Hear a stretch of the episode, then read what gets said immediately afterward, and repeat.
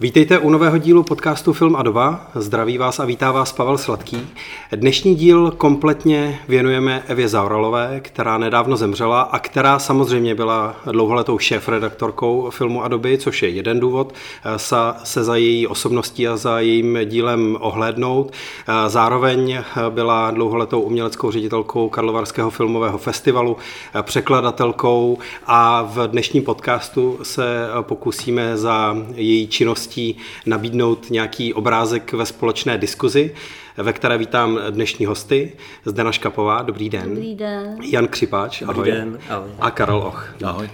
Sezval jsem hosty různých generací, eh, kteří samozřejmě k Evě Zarolové přistupovali taky i z trochu jiného eh, profesního eh, úhlu, tak abychom se bavili o jejím působení jak na Karlovarském festivalu, tak ve filmu a době a abychom nabídli co nejširší obrázek. Co byla vaše nějaká první nebo první určující zkušenost a první setkání s Evou Zarolovou? Jestli můžu začít, tak eh, možná od nejmladšího, Aha. čili od Honzy Křipače. Dobře, dobře. Tak eh, to jsme trošku zaskočil, ale pokud si jako, co si první vybavím, tak to bylo, když jsem začal psát do filmu a doby, to znamená někdy kolem roku 2010 nebo před rokem 2010, tak eh, ona mě oslovila, už nevím, jak se to stalo, jestli bych nenapsal eh, recenzi tenkrát do časopisu, protože má na starosti recenzní rubriku a to se ujalo, takže já jsem psal několik textů prostě recenzních a takhle to všechno začalo. Zdena Škopová. Pro seznámení bylo teda minimálně pro nás dva, ale možná i tady pro Karla Ocha určující ta film a doba.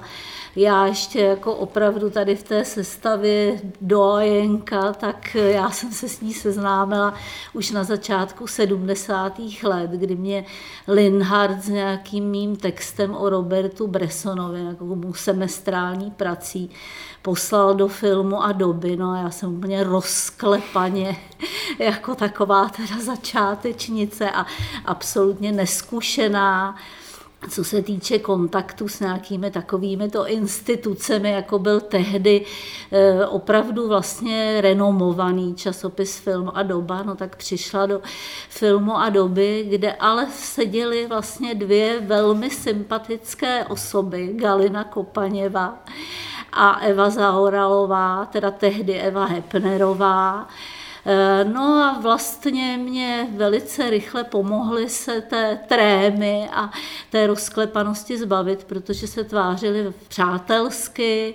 Pak mě dokonce Eva zavolala s nějakou pochvalou toho textu, takže já se s ní vlastně znám, skutečně jsem to teď tak o tom přemýšlela v těchto dnech 50 let nebo kolem 50 let, takže eh, to bylo opravdu teda dlouhé, jak pracovní přátelství, tak právě pro takovou eh, mimořádnou si myslím otevřenost, spontaneitu, přátelskost Evy eh, se z nás stali, dá se říct, i přes teda určitý rozdíl bylo mezi námi kolem 20 let, teda rozdílu, tak ale opravdu přátelé nebo přítelkyně, eh, kdy jsme se vyloženě rodině stýkali. Eva za námi, za mou rodinou jezdila na venkov, tady blízko Prahy, opakovaně a navštěvovali jsme se.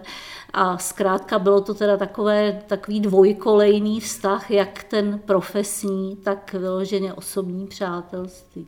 A Karol 2001 byl rok, kdy jsem eh, poprvé mohl hovořit s paní doktorkou, jak se u nás na festivalu vždycky říkalo a vždycky bude říkat, protože se o ní bavíme nadále a budeme se o ní bavit nadále, protože prostě je tam s námi. Já jsem byl na studiích v Paříži tehdy a, a jedna z kolegyň ze školy mi zprostředkovávala nabídku paní doktorky ujmout se pozice tajemníka poroty na festivalu, eh, na kterém jsem do té doby nebyl, což je trošku moje ostuda, ale já jsem vždycky mizel na začátku července mimo Českou republiku a myslím, že jsem do dneška jediný dlouholetý zaměstnanec Karlovského festivalu, který nemá tu zkušenost. A tehdy mi to odpustila paní doktorka, nabídla tu práci a po skončení festivalu mi nabídla, abych od 1. ledna se přidal do jejího týmu, programového týmu. A tehdy se začal zajímat o dokumentární filmy a tak nějak se o ně postaral. A tím začala vlastně, řekněme, vztah, který se dá nazvat každodenním a vlastně to postupné seznamování se, které eh, v roce 2010 vyvrcholilo pro mě okamžikem, kterým začaly moje nejhezčí jako pracovní, ale i osobní léta, kdy paní doktorka nechala vyvést svůj tehdejší nábytek z kanceláře a, a nastěhovala si mě tam a, a vlastně jsme měli dva stoly proti sobě a nějakých osm let dnes a denně jsme si vykládali o filmu, o, o osobním životě, o politice a o všem možném a z toho budu čerpat, myslím, že vždycky. Takže je to nějakých 20 let, ale těch opravdu nádherných. Jak byla dramaturgie Karlovarského festivalu v ten rok, kdy si do toho vstoupil, nastavena? Jak si to jako nováček vnímal, nejenom z hlediska toho osobního těch personálí, hmm. ale vyloženě i z hlediska práce, nastavení charakteru té dramaturgie a tak? byla nastavena způsobem, který eh, po té, co si mě paní doktorka vybrala za svého nástupce, jsem se snažil aplikovat i nadále. Eh, ona nikdy nevystupovala z pozice šéfové. Jo, nikdy vlastně si nevynucovala realizaci svého názoru a spíš se chtěla o těch věcech bavit, chtěla být přesvědčována, co si myslím, že eh, mělo za následek to, že jsme se pod ní jako vyvíjeli. A jednu z věcí, kterou zmínila už paní Škapová, jsem na ní si cenil skoro nejvíce a jak v, vlastně v těch debatách o filmech, tak v, i v osobní rovině. A to byla ta otevřenost a, a její vlastně velikost v tom smyslu, že se nebála po, přiznat, že třeba udělala chybu, nebo že možná se unáhlila a vždycky to za nějaký okamžik to třeba přiznala, řekla proč a tak dále, a což vlastně prohloubilo naší lásku a respekt vůči ní, protože prostě eh, vedle té erudice, expertízy, zkušenosti eh, a profesního respektu narůstal ten vlastně respekt vůči ní jako lidské bytosti.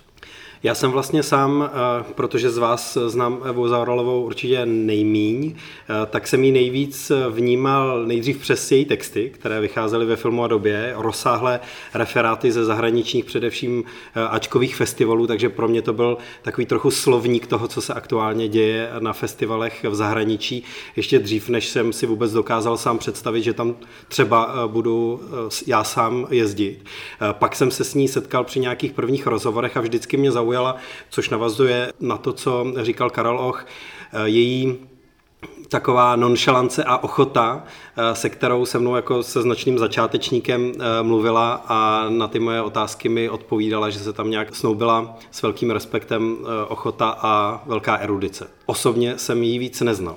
Zajímalo by mě, jak to eh, bylo v těch především 70. a 80.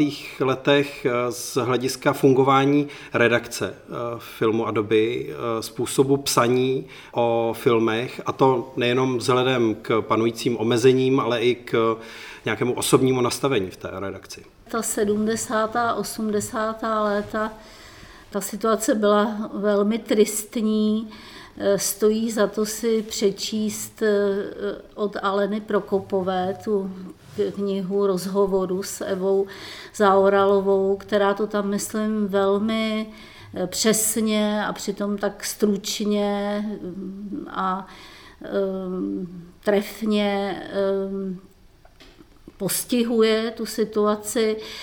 Střídali se tam nejrůznější šéfové, ale v zásadě svým způsobem se dá říct jeden horší než druhý, takže Eva, která eh, chudák měla velkou radost, když na podzim roku 68 byla do filmu a doby přijata jako redaktorka. A to na základě svých tlumočnických Eh, výpomocí v, v oblasti filmu, kde si ji všimli eh, patřiční lidé, mezi nimi teda i Antonín Novák v 60. letech šéf eh, filmu a doby, tak teda když byla přijata na, na podzim roku 68 a Eh, těšila se, jak konečně se ve svých, myslím, že tam říká, teď to neumím rychle spočítat, 630 letech dostala na redaktorské místo, tak nastaly časy, které tedy eh, nějakému osobnímu rozvoji a eh, teda práci na nějaké kreativní práci na reví, na níž jí záleželo, nepřáli. Na druhé straně Eva Tady v té knížce myslím, že ne, bych neřekla nic lepšího, než když e, budu parafrázovat, o čem v té knize, o, čem se v té knize rozhovoru zmiňuje. E, říká, že jak Hrbas, který tam byl do roku 76, eh, tak posléze Jiří Levý, který tedy byl daleko takový tvrdší aparátčík, abych tak řekla, než ten už starý pán Hrbas, který vůbec ani ve filmu a době neseděl a Eva za ním vždycky jenom šla z obtahy eh, budoucího čísla. Eh, tak byl už daleko takový tedy agilnější a zasahoval do, eh, do redakční práce. No a tu se ještě stupňovalo, tuším, že v roce 80, kdy přišel kdy se stal šéf-redaktorem Vladimír Kolár, opravdu tedy takový přesvědčený soudruh toho starého, nejtvrdšího ražení, který právě i ty ambice vlastně k obrazu svému ten časopis formovat eh, velice tedy inklinoval a prosazoval to. Ale když se vrátím teď ne tady k popisu, kdo všechno byl šéf-redaktorem, ale to, jakým způsobem zvládali situaci obě tedy dámy redaktorky Galina Kopaněva a Eva, tak myslím si, že i v, teda v, té, v každé z těchto situací, pod každým z těchto šéfů, že zvládli Eh, jak se říká, uhrát úplně maximum, že tam samozřejmě museli v jednotlivých číslech být úlitby eh, ve smyslu, že tam byly citace z nějakého já nevím, stranického prohlášení k, o kinematografii a případně nějaký článek, to měl ambice zvláště Kolár psát různé úvodníky ale jinak eh, Galina, která byla zaměřená na sovětský svaz a východní kinematografie, tak byla vzdělaná, inteligentní, eh, dá se říct, intelektuálka, která rozhodně byla schopná vybírat vždycky to, nebo téměř vždycky to nejlepší a nejzajímavější. A Eva, ke které jsme se teda upínali ještě více, protože Eva se eh, specializovala na ten západní, na tu západní oblast kinematografii a stačí, když se podíváte do vlastně kteréhokoliv čísla eh, těch 70. a 80. let a vždycky a určitě mm, Zkrátka vím to, že její zásluhou ta proporčnost toho, kolik tam bylo věnováno západním kinematografím, jak se informovalo o tom, co se děje na západě, kolik těch, ať už to byly glosy, ty glosy byly tak svým, jak si vlastně definovány jako žánr, nebo jako formát v rámci filmu a doby, eh, jako něco, kde se informovalo o filmech, které třeba ani autor té glosy neviděl, ale měl možnost si o tom někde něco přečíst a referovat tedy českému nebo československému čtenáři o nějakých nových, zajímavých počinech západních kinematografií a jednak ale rozsáhlé texty, články. Eva nekladla žádné limity vlastně kritikám o filmech nebo kritikám filmů, které, eh, až bych řekla, velmi často přerůstaly v takové menší studie, 10, 12 i 15 stránek o nějakém filmu, což jsme my autoři tehdy tam vlastně v těch 70. letech postupně nastupující jako absolventi filmové vědy, což jsme vždycky pojímali tady ty texty eh, jako příležitost vůbec čtenáře s tím režisérem, s o němž zase tady v distribuci takřka nic nebylo uvedeno, nebo jenom ojedinělá díla, tak vůbec v nějaké ucelenosti, taky jsme to měli načteno z různých materiálů, většinou jsme neměli možnost eh, mnohem větší než běžný divák se s jejich díly seznámit, ale vůbec toho režiséra představit a nějak tedy na příkladu toho jednoho tady uvedeného díla se pokusit o jakousi analýzu do poetiky dotyčného autora a tak dále. Čili eh, myslím, že Eva s Galinou dokázali udržet těchto 20 krušných let velice dobrou úroveň filmu a doby. A taky ten film a doba tak vys nějakých pořád já mám dojem, že to bylo asi kolem 20 tisíc náklad a ten časopis zkrátka e, měl své čtenáře. Nebylo to tak, že byly nějaké stohy, remitent, e, opravdu se četl, tak e, poukazuje na to, že ho lidi vnímali jako nějaké médium, z nějž se dozvědí mnoho zajímavého a toho, co je, co je zajímá. Od té doby se situace několikrát eh, stihla změnit. Film a dobu dlouhé roky taky vedl Stanislav Ulver. Eva Zaorolová byla vlastně redaktorkou, formálně pod jeho vedením. Pak došlo k zatím poslední změně. Eh, film a doba eh, měla Evu Zaorolovou za šéf-redaktorku strojící redaktorů. Ještě v některých nedávných číslech jsme nacházeli úvodníky nebo editoriály Evy Zaorolové, které byly ale prosté jakékoliv ideologie, byl to spíš přehled toho, co číslo aktuálně nabízí a ta Výkonná stránka byla na vás, redaktorech, včetně Jana Křipače, na kterého se teď eh, obracím. Jaká byla tahle poslední transformace eh, filmu a doby, zvlášť eh, s přihlédnutím k té generační výměně? Jen tak já můžu potvrdit to, co už tady říkal Karel, jo, že vlastně s paní Zauralovou se spolupracoval velmi dobře. Ona byla otevřená jakýmkoliv jakoby námětům, novým podnětům z naší strany, ale zároveň nevyklidila to pole úplně, jak by se možná mohlo zdát. Jo. Ona sice psala ty editoriály, občas napsali nějaký ten festivalový report, ale toho už ubývalo, ale ta redakční práce za ní byla a ta byla obrovská skutečně. Ona četla to číslo od začátku do konce celé výjima teda posledních měsíců, kdy už eh, byla nemocná. To znamená, že ona ty texty četla, redigovala, komentovala. Jo, to byla jedna věc, obrovská práce za ní byla, redakční. Další rozměr, co to mělo, samozřejmě jsme diskutovali otázky organizační, jako například distribuci, granty, že, kde získávat finance. Ona byla velmi dobrá v tom, že mm, oslovovala partnery, kteří u nás inzerovali, takže z toho byly také nějaké další příjmy. Takže i tu praktickou stránku ona měla pod kontrolou. No a e, co se týče mm, dalšího ještě rozměru, který bych jako zmínil, je to, že jsme o obsahu těch čísel diskutovali, že to nebylo automatické, byly redakční sezení, ať už v její kanceláři v Panské, na štábu Karlovarského festivalu, nebo v kavárně, nebo u ní doma, potom poslední dobou to bylo už u ní doma, kdy se vedly docela jako zajímavé debaty o obsahu toho následujícího čísla nebo dalších čísel, o tom, kdo tam bude psát, jaké texty tam budou. Někdy to bylo i docela jako vyhrocené, protože ona si uměla jako říct svůj názor, uměla jako to podat velmi rázně, ale zároveň byla otevřená i těm dalším jako názorům.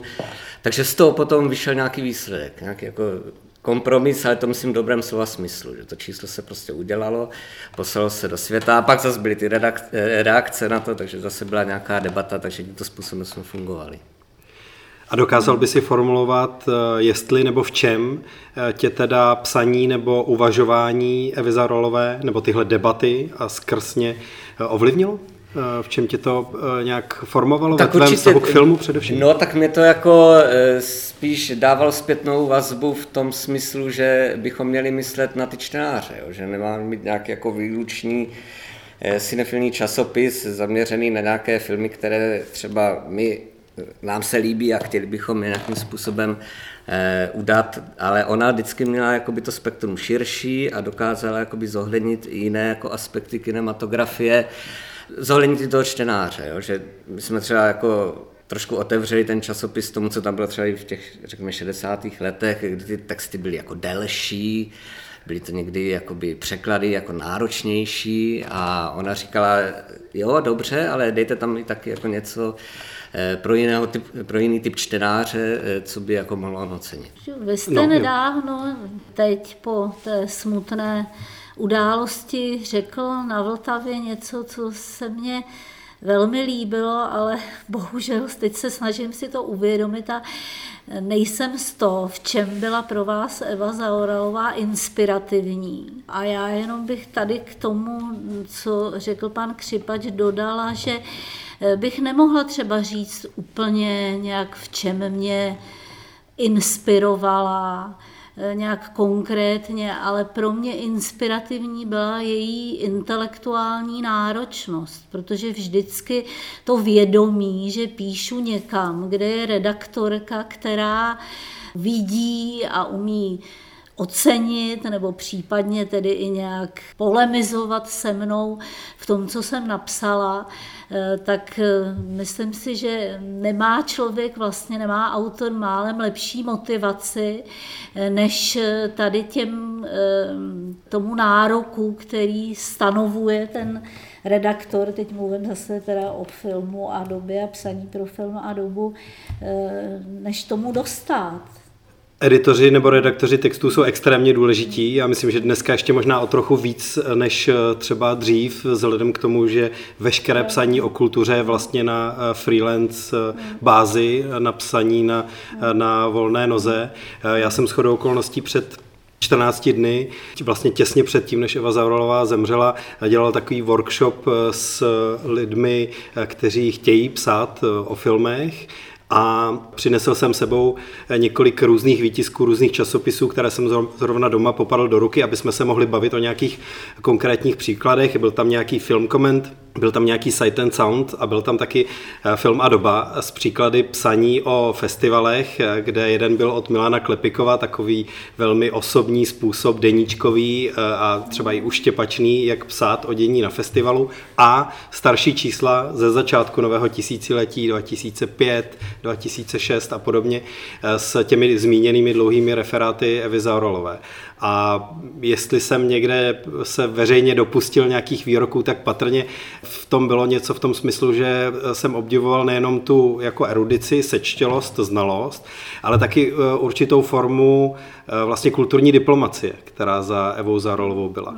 Právě to jednání s lidmi, s institucemi, patrně i na eh, příkladech eh, lidí, kteří třeba nevím, opouštěli Karlovarský festival a eh, způsob, jak se jakoby rozejít profesně. To podle mě byly věci, které docela dobře zvládala, aspoň pokud jsem dokázal to z vnějšku posoudit. Nevím, jak Karel Och z dnešního úhlu pohledu vlastně vnímá tu přelomovou polovinu 90. let, kdy se Eva Zaurolová a Jiří Bartoška ujali Karlovarského festivalu a udělali z něj to, co je z něj dnes. A to ať už nějak skrze vaše eh, vzájemné rozhovory, nebo skrz to, jak je to dědictví dneska pod tvým dramaturgickým vedením rozvíjeno. To je strašně zvláštní, eh, protože dlouhá léta, vždycky, když jsem přemýšlel na dobu, než jsem pracoval na Karlovském festivalu, jsem měl pocit, že to bylo minimálně 10-15 let.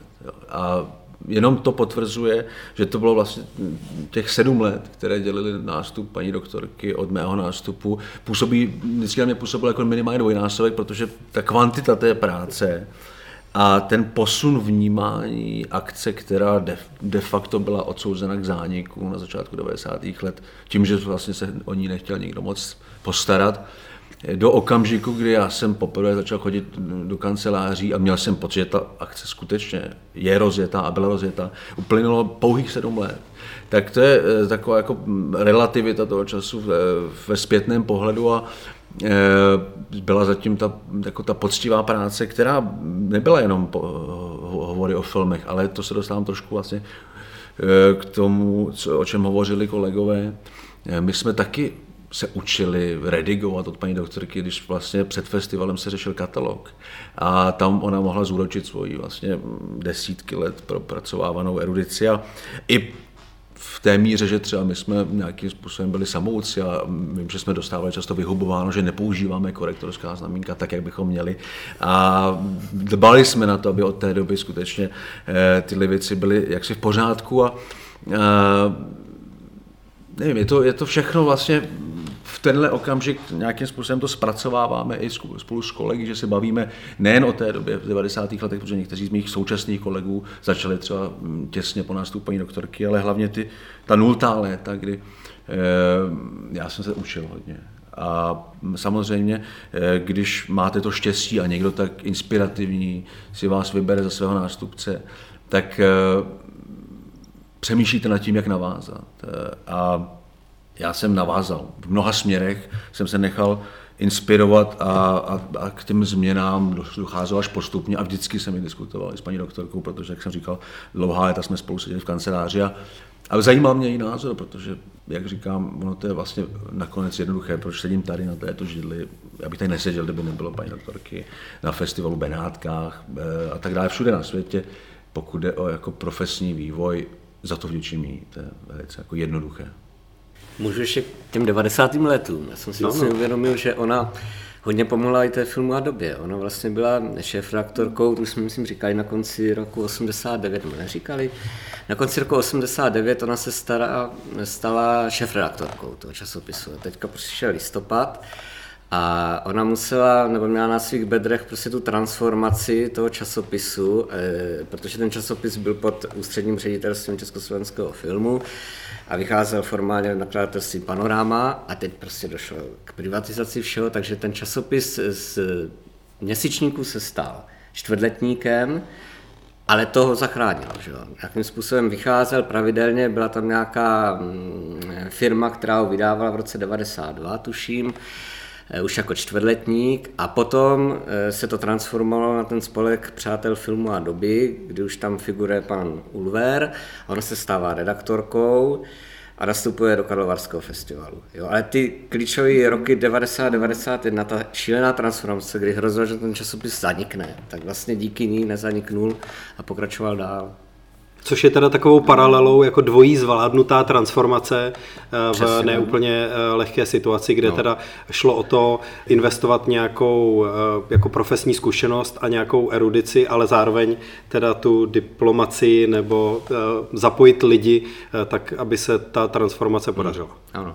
Vy jste chtěla něco říct? Ne, no ne, jenom tadyhle k tomu opravdu k těm začátkům 90. let, kdy už taky tak postupně se k tomu festivalu karlovarskému a k dění okolo dostávala, tak eh, skutečně zvládnout ještě tohleto, teda to, že se ocitla eh, film a doba úplně na dlažbě a Eva a to opakovávala vlastně a pak znova, když teda se dostalo, dostali jste se, vlastně se změnila ta redakce, tak vždycky říkala, no to je pro mě nesnesitelná představa, že by film a doba, která existuje od roku 54, přestala vycházet. A e, skutečně to, co tomu věnovala a ještě teda k tomu, co jste tady podotkli vy oba s tím Standou Ulverem, já to bohužel ani neumím v nějakých přehledných faktech tady doložit, ale ono to bylo víceméně formální z nějakých právě těch tedy administrativních důvodů, aby ten časopis ehm, nevím, dostával nějaké do adaptace a mohl vycházet, ale to pořád eh, šéfovala Eva a eh, Eva tomu dávala ten charakter a ona byla ta, kdo vlastně rozhodoval o profilu toho časopisu a o náplni každého čísla. A zase jsme, eh, nebo teda jsme, ona, vím, že všechno, skutečně všechny články od prvního do posledního přečetla, že všechno tohleto to stíhala. Stojí skutečně za nejenom prolistování, ale přečtení. Ten, ta Alena Prokopová, ty rozho, ten rozhovor s Evou Zaoralovou, protože když si tam přečtete, asi deset stránek tomu věnuje, eh, jak ve svých 60 letech úplně začínala od nuly, jak neměla vlastně, jak tam velmi taky její velkou předností je taková upřímnost a opravdu autenticita, že eh, nezastírá věci tak, jak byly. A eh, i když můžou vyznít vůči ní ne úplně nejlépe, tady v tom smyslu, že říká, no já jsem vůbec nevěděla, jak na to, jak vůbec ten festival dá dohromady, jak schánět filmy, kam se obracet. Tehdy ještě vůbec nebyl internet tady v, tý, no. v té době. No tak to je jako v 60 letech s tím, že zažila tady ten boj o film a dobu a ona ještě teda úplně dá dohromady a postaví festival. Mně to skutečně připadá eh, mimořádné, jako ona s takovou svou pracovitostí, houževnatostí, pocitem zodpovědnosti za to, do čeho se pustila, eh, to je úplně mimořádná osobnost. Umělecký ředitel festivalu musí mít hodně široký přehled. Zároveň ale Karel Och s Evou Zarolovou sdíleli i to zakořenění v italské a francouzské kinematografii. Tak to byl další eh, nějaký bod, eh, ve kterém jste se eh, protínali, kde třeba diskuze mohly jít ještě hlouběji? Byl, potkali jsme se především na italském filmu, možná více než francouzském, hmm. i protože mě Eh, na dlouhá léta osobní život zavedl do Itálie a moje děti jsou napůl Italové a vždycky jsem tíhnul nějakým způsobem k tomu jižanství a, a tak dále. A paní doktorka taktéž s určitými rezervami vždycky říkala, že ta Itálie by byla tak nádherná země, kdyby tam nebyly Italové, protože prostě eh, měla ráda určitý řád a, a to se vlastně ne, ne vždy vlastně snoubí s tou jako, lehkomyslností, kterou máme rádi v italských filmech, eh, ale třeba někdy v praktickém, praktickém životě méně. Ale o filmech, zejména italských, jsme diskutovali nejen v kanceláři, ale třeba na filmovém festivalu v Benátkách, kam jsem se poprvé dostal díky jejímu doporučení do poroty Fipresci v roce 2005. A říkám to, protože od toho roku začalo mm, nějaké zhruba 14 leté období, kdy jsme ten festival trávili de facto spolu. A bylo to vždycky v září, což je mm, nějakých 10 měsíců před dalším festivalem karlovarským, tudíž je více klidu, více času na to si o, o věcech hovo, eh, hovořit. A a probírat třeba i nějaké koncepce a my jsme si navzájem drželi místo a vlastně především sledováním italských filmů jsme trávili eh, dny a večery, takže ten vztah přes film se vlastně dostal i jako mimo ty kanceláře a, a samozřejmě nějaké v okamžiku jsme si doporučovali i třeba italské knihy a, a rád jsem poslouchal historky z dovolené v Itálii, paní doktorky a tak, tak vlastně jsou to je to opravdu neutuchající zdroj nádherných vzpomínek, které třeba teď s kolegy opravdu probíráme non-stop. A pozorovali jste mezi sebou i nějaký generační přeryv? Eh, něco, co by eh, třeba už jako odcizovalo vnímání jedné generaci té druhé, ať už v jakémkoliv slova smyslu? Tak samozřejmě někdy se dostanete do diskuze o konkrétním filmu, kde vidíte, že třeba nahlížíte na některé věci jinak, ale paní doktorka, jak už to padlo, vždycky měla velice moderní přístup k těmto věcem, řekla svůj názor, co se jí na tom líbí, co ne, ale snažila se pochopit třeba nějaké, řekněme, eh, nové motivy, nové postupy, ať už obsahového či estetického rázu a, a bylo naprosto jasné, co se o to myslí, ale nikdy to neodsuzovala nějakým způsobem a e, proto já jsem nechtěl nějakým buranským způsobem vstupovat do věcí, které zavedla v na Karlovarském festivalu a nějak to radikálně měnit, protože Eh, z mnoha důvodů a proto vlastně třeba mě zajímalo u filmů, o kterých jsem věděl, že třeba eh, mám o něco radši než paní doktorka, tak eh, jsem je třeba naprogramoval do kinosálu spolu s kolegy, který měl více sedaček než kinosál, ve kterém ty samé filmy nebo ten typ filmu byl hrán předtím. Ale tím jsem nějakým způsobem se snažil vnímat, eh, co si o tom bude myslet publikum a to byly věci, o kterých jsme se bavili s paní trochu taky. Takže ona věděla, že třeba mám jiný vkus někdy, a, ale tu aplikaci eh, té jinakosti toho vkusu jsem se snažil dělat jako vlastně v konzultaci s ní a, a právě v tom zase ta její velikost byla, že naprosto to chápala a dala mi v tom volnou ruku i co by poradkyně, což je pozice důležitější možná než z ní.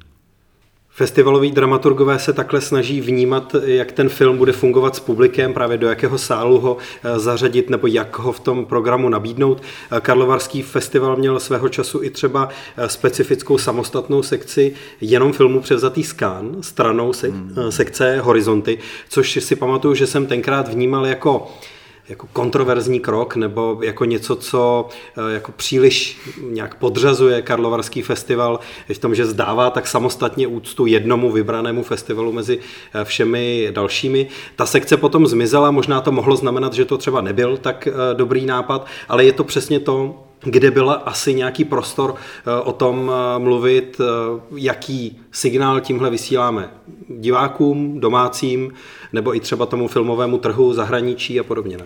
Je to tak a, a konkrétně tato sekce měla vzniknout s určitým úmyslem, nápadem, nakonec to dopadlo všechno trochu jinak. Myslím, že se v genezi a tom krátkém životě této sekci zračily nějaké tehdy Eh, neúplně ideální, řekněme, vztahy uvnitř týmu, které se později vyčistily a eh, jenom to dokazuje, že filmový festival, a to je to, co já mám na našem světě, filmový festival rád, eh, jsou velice organické útvary a v těch lepších případech, i když to třeba navenek vypadá možná někdy klopotně, odrážejí to, že na nich pracují lidé, kteří se vyvíjejí, kteří stárnou, kterým se proměňuje vkus, ale kteří se v ideálním případě mezi sebou dokáží respektovat a domluvit a, a tu nějakou, eh, řekněme, pozitivní profesní náladu toho týmu přenést na diváky. No.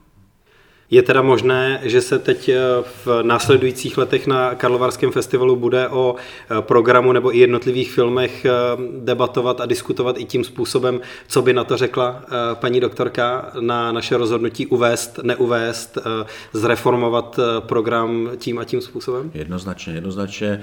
Nejen co do filmů, ale i co do dalších složek festivalu, protože samozřejmě i k tomu se paní doktorka vyjadřovala, byla toho součástí a ta její kultivovanost a, a, a ta grácie a ta elegance osobnostní měla vliv na, i na ostatní oddělení. Samozřejmě eh, ved, paní doktorka vedla dlouhá léta programové oddělení, ale tomu respektu a úctě se těšila i mm, samozřejmě počínaje panem Bartoškou, přes Krištofa Muchu, šéfa produkce Petra Lintimera a všechna oddělení, eh, oddělení, které se stará o hosty a, ke všemu se nějakým způsobem vyjádřila, respektovala kolegia a ti byli rádi, že vlastně mají na to nějaký její názor. Tudíž eh, bude se mluvit o tom, co, si paní doktor, co by si paní doktorka myslela o tomto filmu i nadále, ale nejenom o tom, a i o ostatních složkách festivalu.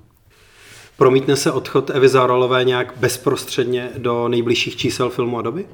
To je samozřejmě otázka na Honzu Křipače. No, do čísel se nepromítne, doufejme, protože už nějakým způsobem jsme zaběhnutí, ale bude hrozně těžký to organizačně dál posunout co se týče toho mm, uvolněného šefraktorského místa a i té redakční práce. Jo. Že skutečně za ní byla ta obrovská, jak už jsem zmínil, editorská redakční práce. Takže bychom potřebovali i mm, další jako, jako člověka k sobě, který je takhle jako schopný a zkušený. Ona byla i, myslím, vystudovaná bojemistka, takže to mm-hmm, prostě měla foku, to bylo mm-hmm. prostě špičkový, jo, ty její editace. Takže někdo takovej a určitě by to měla být žena. Potřebujeme další jako ženu do týmu. Protože jste jinak tři uh, redaktoři. No jasně, to bylo výborný, jako, že ona nás ty chlapi, ty naše ega trošku jako vždycky dala do latě. No.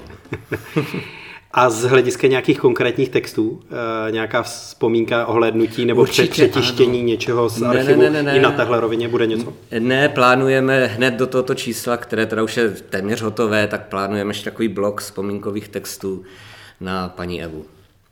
Jistě, že ona měla nějaké svoje, svoji estetiku, kterou vyznávala eh, generaci filmařskou, která jí byla velmi blízká, ale vůbec to neznamenalo, že by nebyla schopná eh, přijímat i něco opravdu teda úplně odlišného a jiného od toho, co zažívala jako takové vrcholy kinematografické eh, v těch teda nejproduktivnějších a nejformativnějších, řekněme, eh, letech své profese. A jenom když si vzpomenu, co to bylo, to byl nějaký rok asi 2017, kdy vyhrál ve, v soutěži ten Děrdi Pálfy, Volný pál. Volný pál? Ne, ten, ten dostal cenu za režii. Cenu za režii. Cenu za režii a ještě jednu a zvláštní cenu poroty, pět cen dostal. No, kdy právě my několik konzervativních kamarádek jsme říkali, no Evo a Eva na to, no to je, vždyť je to úplně výborný film a jak je to vtipný a e, to si zaslouží a opravdu e, nejednou e, zase takovému okruhu teda známých kolem, no kamarádek kolem ní úplně vyrazila dech tím, co byla schopná a přijmout a ocenit a určitě ne, protože se chtěla zavděčit nové generaci, protože to taky velmi souhlasím s tím, co jste řekl vy, pane Křipači, že ona zase jako nebyla, tam to, necí, tam to cítil jasně člověk, že ona má své názory a že se teda ne, nestaví konformně v diskusi s někým jenom právě proto, aby ustoupila. To ona byla velmi, velmi, to bylo jasné, co jsou její názory a její postoje. No a možná k tomu jenom dodal, že eh, ona jak jako samozřejmě měla výborně italsky a francouzsky, tak Ona sledovala tu debatu že na západě, která se vede o tom filmu celou tu dobu, že jo, četla, prostě odebírala pozitiv, že jo. Michel Simán je její přítel, čili to prostě ona nejen, že ty filmy viděla, ale sledovala i ten background celý, takže i to myšlení o tom filmu, jak se posouvá, vyvíjí, takže přirozeně potom to mohla dál jako uplatnit v té filmové době. No. A naučila se anglicky vlastně z ničeho, de facto kvůli té práci naučila se všechny další věci spojené s moderní technikou a přechodem Eh, dělání festivalu přes fax jako a, až po digitální formáty a všechno to tak jako vlastně zpracovala a použila velmi jako elegantně a, a netypicky pro osobu, která už měla být léta v důchodu, když to řeknu trošku příkřej, ale to, ona by to řekla sama tak tež, takže když tady padl ten příklad s volným pádem Děrdě Palfiho, eh, tak eh, film, kterého jsem cítil, že s ním Eva Zárolová nějakým způsobem zápasí, protože jí eh, nesednul, i když nějak vnímá intenzivní dopad, který na publikum kolem ní má, byl třeba Antikrist Larse von Triera. Film, který podle mě nepřijala, nebo s velkými výhradami, ale vnímala, že to je intenzivní film, který rezonuje s publikem v tom eh, festivalovém roce. Nebo možná celá tahle etapa eh, díla Larse von Triera, nejenom Antikrist eh, samotný. Je to tak a, ne, a byly to vlastně i třeba filmaři podobní Larsu von Trierovi v tom smyslu, že nějakým způsobem e, změjšňují ty do jisté míry šílenosti, které se odehrávají a umělecky je stvárňují eh, obnaženost do jisté míry estetická. Pro ní bylo vždycky trošku takový varovný signál, nakolik tomu může věřit a kolik ne. Jo. A na to eh, neschazovala postup paní doktorka, ale, ale byla obezřetná a velice pečlivě zkoumala autenticitu podobného typu eh, kina. Jo. Protože samozřejmě se do toho se vlastně pod tímto přístupem můžou schovat i, i v podstatě banality a povrchní věci, které tím, že vás atakují vlastně tou, tou extrémní subjektivitou, vás můžou zmást, ale to, to se paní doktorka skutečně nenechala nikdy. A ještě teda bych přesto, že se to netýká úplně filmu, ale do, do značné míry ano, připomněla její znalost skutečně jazyků a její překladatelskou činnost, protože ona ještě teda vedle všeho toho, o čem tady tu tři čtvrtě hodinu mluvíme, tak přeložila několik desítek knih, beletristy, jak beletry přímo, já nevím, mimo jiné třeba Dina Bucatyho, Tatarskou poušť, teď si nevybavím titul Cezare Pavézeho, Moráviu, ale vedle toho tedy soustavně filmologickou literaturu. Jediná kniha za celou dobu našeho studia, která se týkala teorie, a sice kvída Aristarka dějiny filmových teorií, přeložila Eva Hepnerová v roce, myslím, 68 nebo někde na konci 60. let. Potom několik monografií o Federiku Felínem, knihu o Antonionim, která vyšla v 89. s úryvky z jeho scénářů a povídek. Čili ještě skutečně veliká činnost překladatelská, která by úplně stačila na samostatnou náplň života vedle teda těchto těch aktivit, o nich jsme mluvili. Tak snad jsme v dnešním, podcast, v dnešním podcastu nabídli aspoň několik možných perspektiv nebo konkrétních třeba i osobních vzpomínek na Evu Zárolovou a já děkuji vám všem třem, eh, co jste se dneska natáčení zúčastnili. Jan Křipač, Zdena Škapová a Karel Och. Díky vám všem. Děkujeme. Děkujeme, Děkujeme. za pozvání.